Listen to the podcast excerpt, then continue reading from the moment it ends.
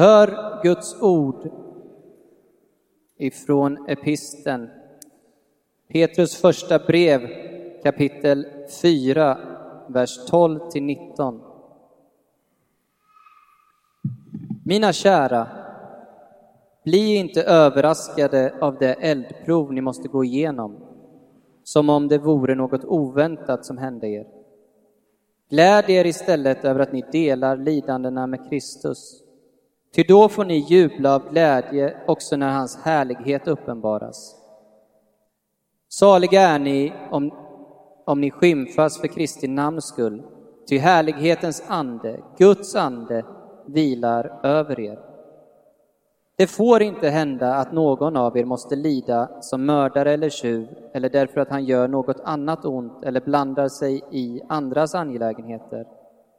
Men lider han som kristen ska han inte skämmas utan förhärliga Gud just som kristen. Ty nu är tiden inne för domen och den börjar med Guds hus. Men om den börjar med oss, hur blir då slutet för dem som inte vill tro på Guds evangelium? Om den rättfärdige blir räddad med knapp nöd, hur går det då med den ogudaktige och syndige? Därför ska de som, li, som lider efter Guds vilja överlämna sitt liv åt sin trofaste skapare och göra det goda. Så lyder Herrens ord. Gud, vi tackar dig. Varsågod Mats. Kära eftermiddagsgudstjänsten. Idag har jag tänkt att vi ska ha riktigt tråkigt. Vad tycker ni om det? Låter det bra? Inte så populärt? Så sa en vän till mig, tror jag, som heter Hans Lundahl. Han jobbade för 20 år sedan i den här kyrkan och var också min bibellärare. Och han har lärt mig så mycket gott. Han har bland annat lärt mig att det inte är bra att alltid predika teman i kyrkan. Till exempel är det ju bra att ibland predika ett tema om man säger att det handlar om tro, eller det handlar om nåd, eller det handlar om äktenskap, eller det handlar om barn eller så. Men att det också ibland är bra att predika bara en text. Varför? Jo, för bibeltexten är den som långsiktigt ger oss mycket tro. Och när vi speglar våra liv, inte bara och tänker lösningar på olika ämnen, utan lever i bibeltexterna, så förvandlar Gud våra sinnen och hjärtan när vi lever i Bibelns ord. Och därför tänkte jag idag att vi skulle titta på dagens epistel som vi hörde här och de två bibelkapitel som omger den texten. Det kommer alltså kräva en del av dig. Det vore lättare för dig om jag sa idag ska jag predika om det här. Och så hade jag tio bilder som handlade om det och du skulle kunna lätt hänga med hela vägen. Men nu ska jag utmana dig att istället hänga med i några textstycken genom första Petrusbrev kapitel 4 och 5. Och om du hänger med så kanske det här föder något i dig som blir väldigt roligt. Ska vi prova och se? Om första Petrusbrevet. Det är ett brev som skrevs för ungefär 1960 år sedan. Men som prickade rakt in i mitt hjärta i somras när jag i en hel vecka fick leva i det här brevet. Oj, vad det betydde mycket för mig att få leva i de här fem kapitlerna i en vecka. Petrus skrev den här till människor som inte var judar. Det som i Bibeln brukar kallas för hedningar. Människor som inte tillhörde det judiska folket. men fick tro på Jesus. Och nu har vi ju miljontals exemplar av det här brevet. Men från början så kom det troligtvis ett exemplar till församlingen och man hade högläsning från brevet. Så om du tyckte att det var utmanande att inte få ett tema eller någon bildshow, den här lyxen hade man inte för 1960 år sedan. Då lyssnade man högläsning när brevet damp ner. Ett tema som går igenom nästan hela första Petrusbrevet är Guds helighet. Ni vet, vi säger ofta i vår tid att Gud är kärlek. Och det är rätt. Han är kärlek. Och det sägs flera gånger i Bibeln. Men ännu fler gånger i Bibeln, ungefär 600 gånger, beskrivs Gud som helig. Ensam i sitt slag, avskild från det onda, utan fläck, 100% pure God. Han är helig. Och Petrusbrevets läsare uppmanas att vara heliga så som han är helig.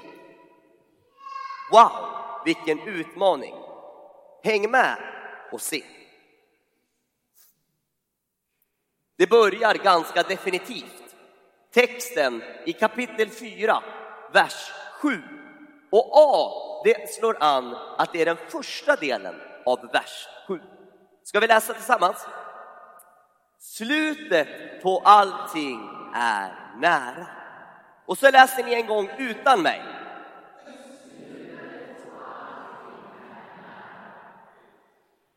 Visst börjar det ganska definitivt? Slutet på allting. Det är oktober och man tycker att sommarvärmen har börjat ta slut. Och så kommer det 10 centimeter snö på olika orter i Sverige. Det är inte bara sommarvärmen som verkar ta slut enligt brevet, utan slutet på everything. Petrus menar att slutet på allting är nära. Och när är slutet på allting nära enligt Bibeln? Det är när Jesus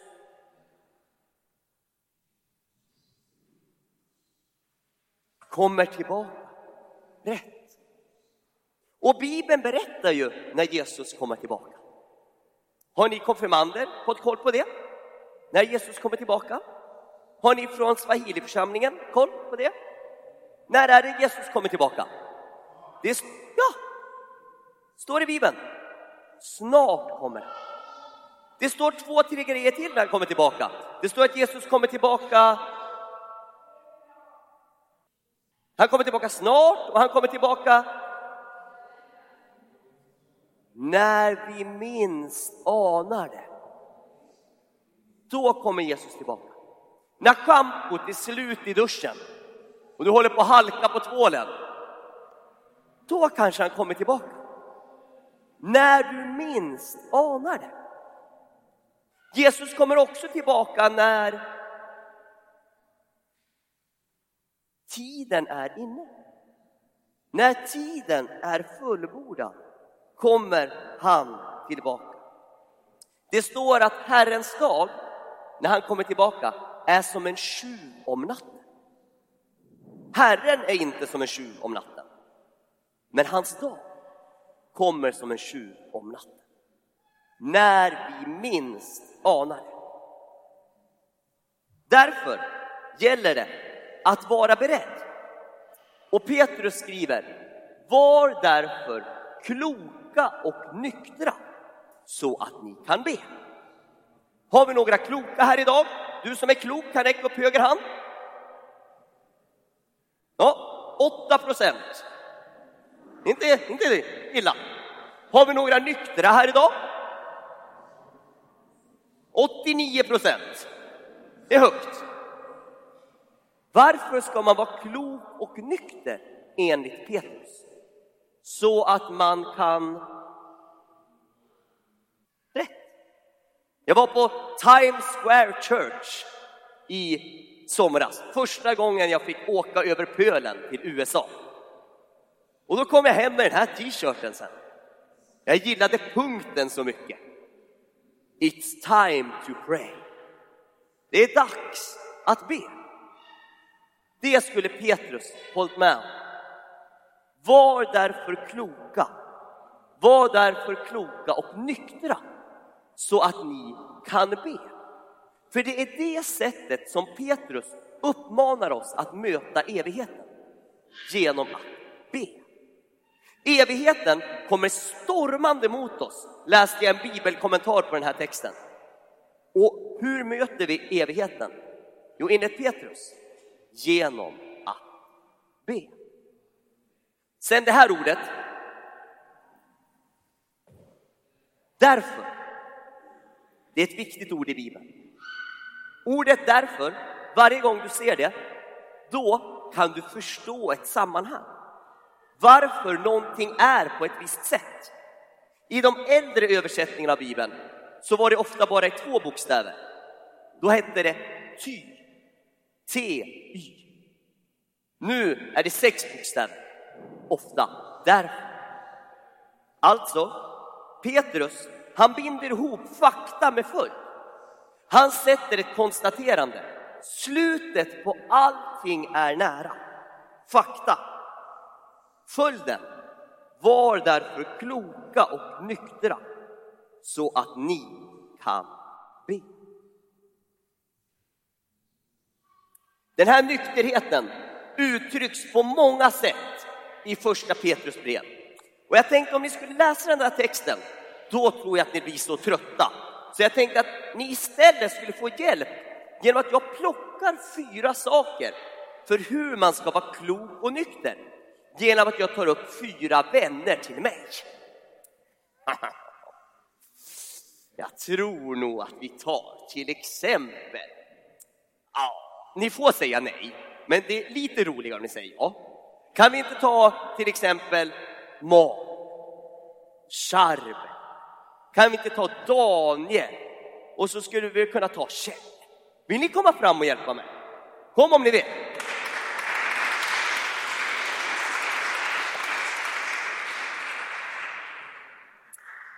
Från hur man ska vara klok och nykter enligt Petrus så har jag lyft fram att man ska från den här texten tala Guds ord. Det är lite svårt att se på den här lappen, men jag har skrivit det här. Tala Guds ord. Man ska, som ni ser i texten, tjäna varandra. Det står på det här pappret, fast ni inte ser det. Man ska enligt den här texten vara gästfri. Aha, aha, aha. Man ska enligt texten framför allt visa uthållig kärlek. Och jag tänker att Malin, Charbel, Kjell och Daniel, de är experter på allt detta, men särskilt på en av de fyra, var och en. Så jag tänkte om ni kunde sjunga lite så här bakgrundsmusik, ni vet, så det inte blir så pinsamt tyst. Liksom. Så ska de här komma överens om vilken som lapp som passar bäst på dem. Så ger vi dem 32 sekunder. Bakgrundsmusik nu! Varsågod och välj en lapp. Dela ut bland varandra. Lite mer från den här sidan, bakgrundsmusik tack.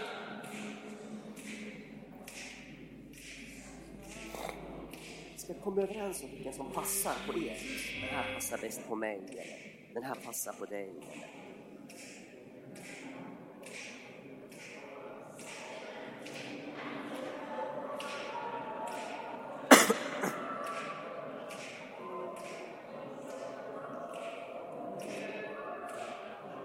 En, två, tre, fyra. Tack för bakgrundsmusiken. De verkar inte vara jätteosams de här vännerna. Eh, det är bra, för jag ska inleda med det som Petrus skriver, att framför allt ska ni visa uthållig kärlek.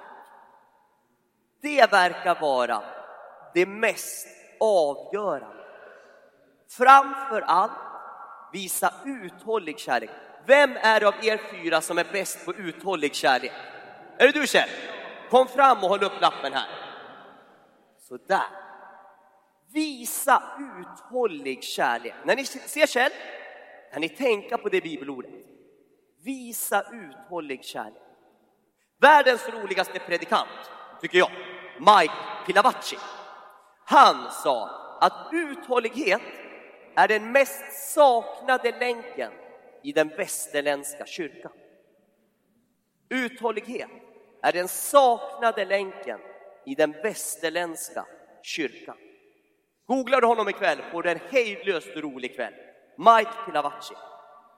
Om kärleken är den mest avgörande länken i den västerländska kyrkan så är nog uthålligheten kanske den mest saknade. Framförallt ska ni visa uthållig kärlek till varandra. Känner ni någon som är bra på uthållig kärlek? Kjell och Jesus. Jesus som säger, ingen har större kärlek än den som ger sitt liv för sina vänner. Och se på hans kors om han hade någon kärlek till sina vänner. Tack Kjell! Då ska vi se vidare här i texten. Var gästfria mot varandra. Så lever man nyktert och klokt i väntan på evigheten. Vem är det som är mest gästfri av er fyra här?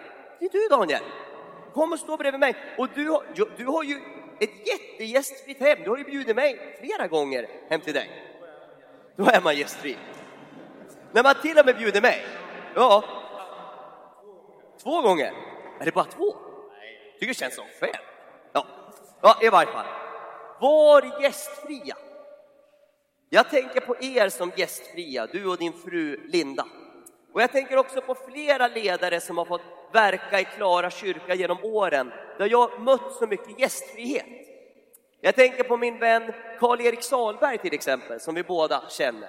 Han hade ständigt ett öppet hem. Och Karl-Erik sa ofta till mig att teologi, Mats, det är te och logi. Teologi, Mats, det är te och logi. Det stavas ju ungefär så. Teologi. Te och logi. Om du börjar med att ge en person te och logi, då är vägen öppen för sann teologi. Tack Daniel. Tittar vi vidare i texten. Vi ska också tjäna varandra var och en med den nådegåva han har fått. Vem av er är bäst på att tjäna? Störst är den som tjänar mest, eller hur är det Charve?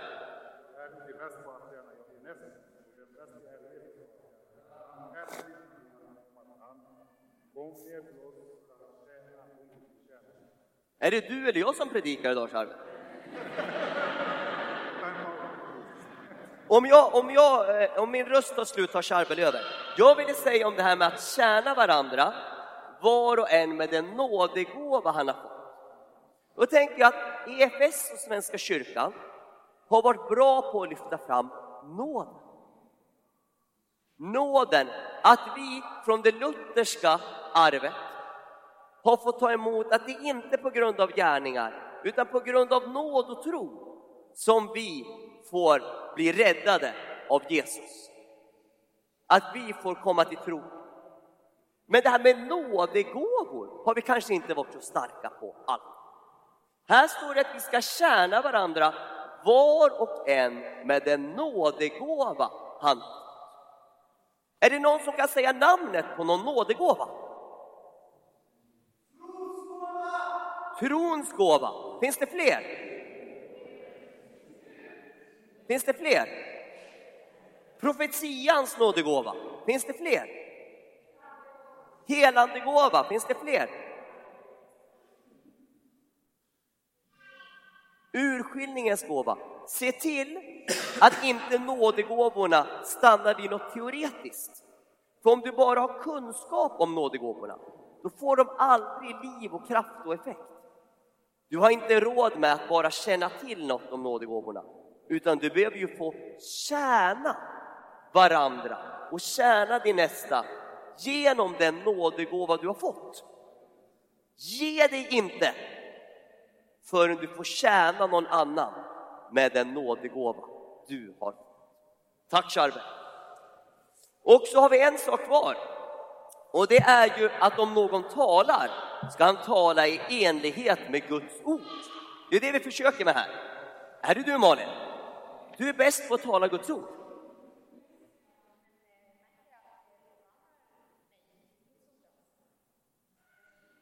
Du märker att Guds ord förvandlar dig.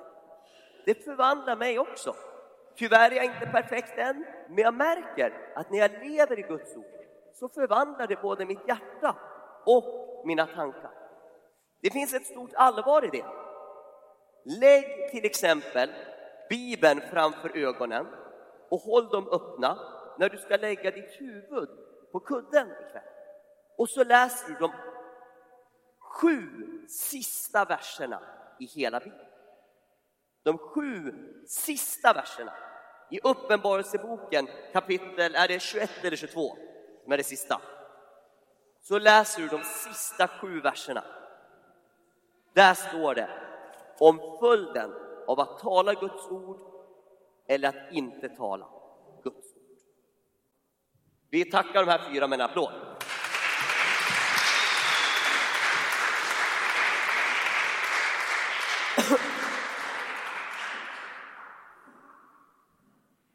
Den här klokheten och nykterheten och den här livsstilen som Petrus pratar om.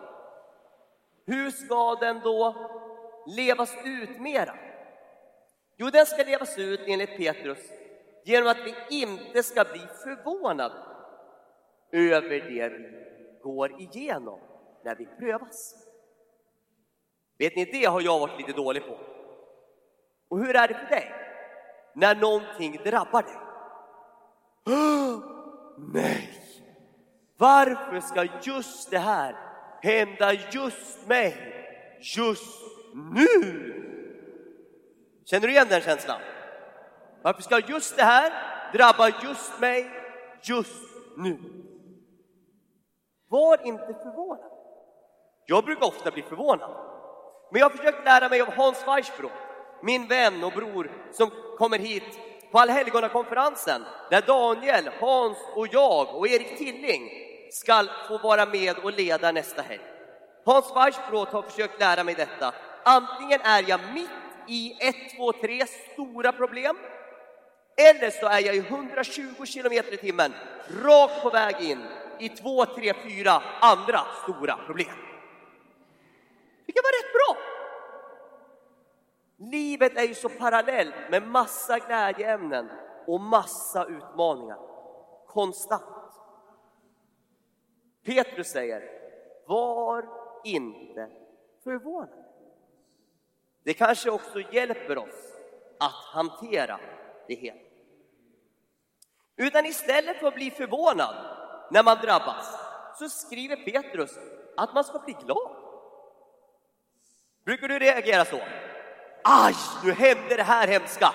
Åh, oh, vad glad jag blir. Nej, för allt ska man inte bli glad över. Men Petrus skriver att när man delar Kristi lidande, då skall man glädjas. Vad är det för något då? Kristi lidande? Jo, det är inte nödvändigtvis varje tältplugg man råkar slå genom foten på campingsemestern. Det är inte nödvändigtvis ett Kristi lidande som du ska bli glad över. kan du bli ledsen över, tycker jag. Men glad över ett lidande, det är när man lider för Kristus. Till exempel om du blir mobbad för att du är kristen. Om du blir utfryst för att du är kristen. Om du blir hånad för att du är kristen. Eller om du ger upp mycket av din bekvämlighet för att du älskar Jesus. Då går du kanske igenom en liten pyttenyans av det Kristuslidande som Kristus gick igenom. När han socialt blev utlämnad, fysiskt torterad och psykiskt övergiven och andligt bar han vår synd och skuld på sitt kors. Gläd er, säger Petrus. Och så kommer evighetsperspektivet igen. Då ska ni också få jubla och vara glada när han uppenbarar sig i sin härlighet. Ni kommer ihåg, slutet på allting är ju inte långt bort, utan det är nära. Petrus skriver vidare, saliga är ni om ni hånas för Kristi namns skull. Salig, det betyder ju lycklig med Gud, skulle man kunna säga. Lycklig med Gud blir du inte om du blir populär på andras bekostnad. Utan lycklig med Gud blir du om du hånas för Kristi namns skull. Det är en av Bibelns vägar till salighet, till en djup lycka med Gud. Ja, om någon får lida som kristen ska han inte skämmas utan prisa Gud för det namnet. Okej, okay. nu har vi tagit det fjärde kapitlet. Nu har vi det femte kvar. Och där skulle jag egentligen vilja nämna några ord för er innan vi ber. I inledningen på det femte kapitlet uppmanas mycket kring ledarskap och lidande. Om du är ledare och inte lider något så har du kanske missat något av din ledarskap och din ledarutmaning. Du behöver inte söka lidande och tänka nu ska jag lida mycket så jag blir en bra ledare. Men det är en reflektion att bära med sig. Kanske har jag backat från något om jag inte hittar något lidande i min tillvaro. Och Petrus skriver till de äldste i församlingen. Han skriver om härligheten som väntar. Och han skriver att vi inte ska uppträda som ledare, som herrar, utan vara föredömen för jorden. Ni vet Jesus, för honom så är får det allra viktigaste. För den sanne herden är fåren det allra viktigaste. Och när den högste herden träder fram, evighetsperspektivet igen, som kommer genom hela brevet, så skall ni krönas med ärekransen som aldrig vissnar. Wow! Jag älskar den här lovsången av Bosse Järpehag. Och när solen gått ner för den sista gången och tiden nått sitt slut skall jag lägga min krona vid dina fötter och tillbe dig, min Gud.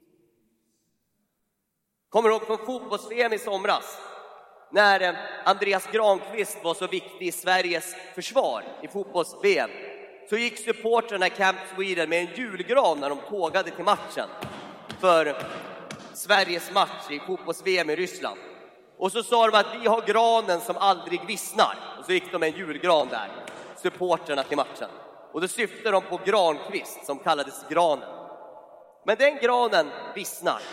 Inget ont om Granqvist, men den här ärekransen, den vissnar allt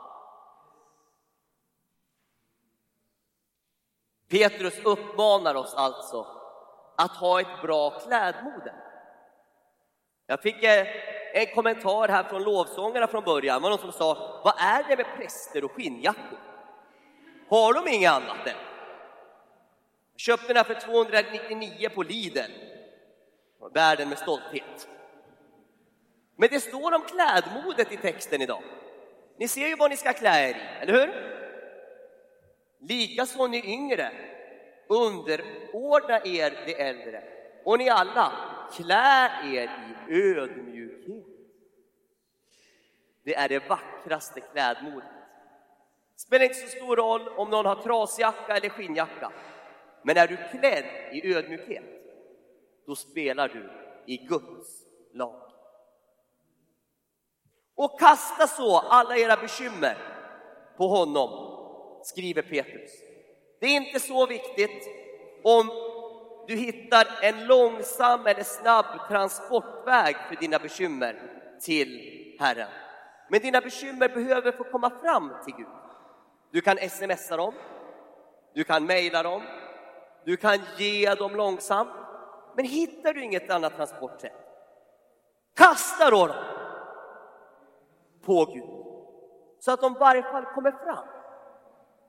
För du klarar ju inte av att bära dem själv. Eller hur? Det är som när man ska bära ett piano. Det är inte dumt att vara några till. Då står du också, som Petrus fortsätter, orubblig i tro. Och du står emot din fiende djävulen som går omkring som ett rytande lejon och söker efter någon att sluka. Jesus har gjort upp med synden, döden och djävulen. Dina tre största problem. Och så avslutar Petrus sitt kapitel med den här texten. Han skriver med hjälp av Silvanus, som jag anser vara en trofast broder, har jag skrivit kort till er för att förmana er och bekräfta att detta är Guds sanna nåd. Stå fasta i det.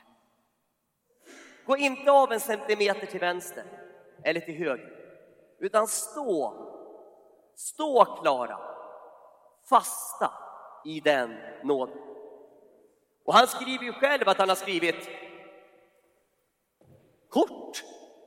Ni kanske tyckte det här var en lång predikan, men jag tror ju bara två kapitel. Han har skrivit fem. Och enligt honom skriver han kort till er. Och så avslutar han, för oss kanske lite festligt. Församlingen i Babylon, utvald liksom ni, hälsar till er. Det gör även min son Markus. Hälsa varandra med kärlekens kyss. Ska vi praktisera det? Eller? Någon som är sugen? Ja, jag känner faktiskt en kyrkoherde i församlingen där jag jobbade förut, som på påskdagen gjorde så att han pussade ut alla kyrkobesökare ur kyrkan. Han stod längst bak och det var på studium och så kom församlingen och skulle gå ut och så stod han där och liksom pussade in sig på folket.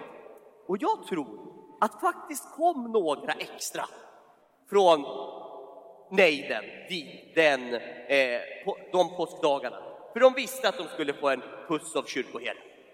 Men jag tror å andra sidan också att det var några som medvetet faktiskt stannade hemma alltid just på påskdagen för att undvika eh, kyrkoherdens kyssande. Men poängen här är ju att det är en vänlig och respektfull hälsningsfras. Det här är lite kulturkrock för oss. Här är det att visa ömhet och närhet på ett socialt accepterat sätt. Relevant för sin kultur. Ungefär som att ta någon i handen så här och säga Gud med dig. Jag säger bara som Petrus, frid vare med er alla i Kristus.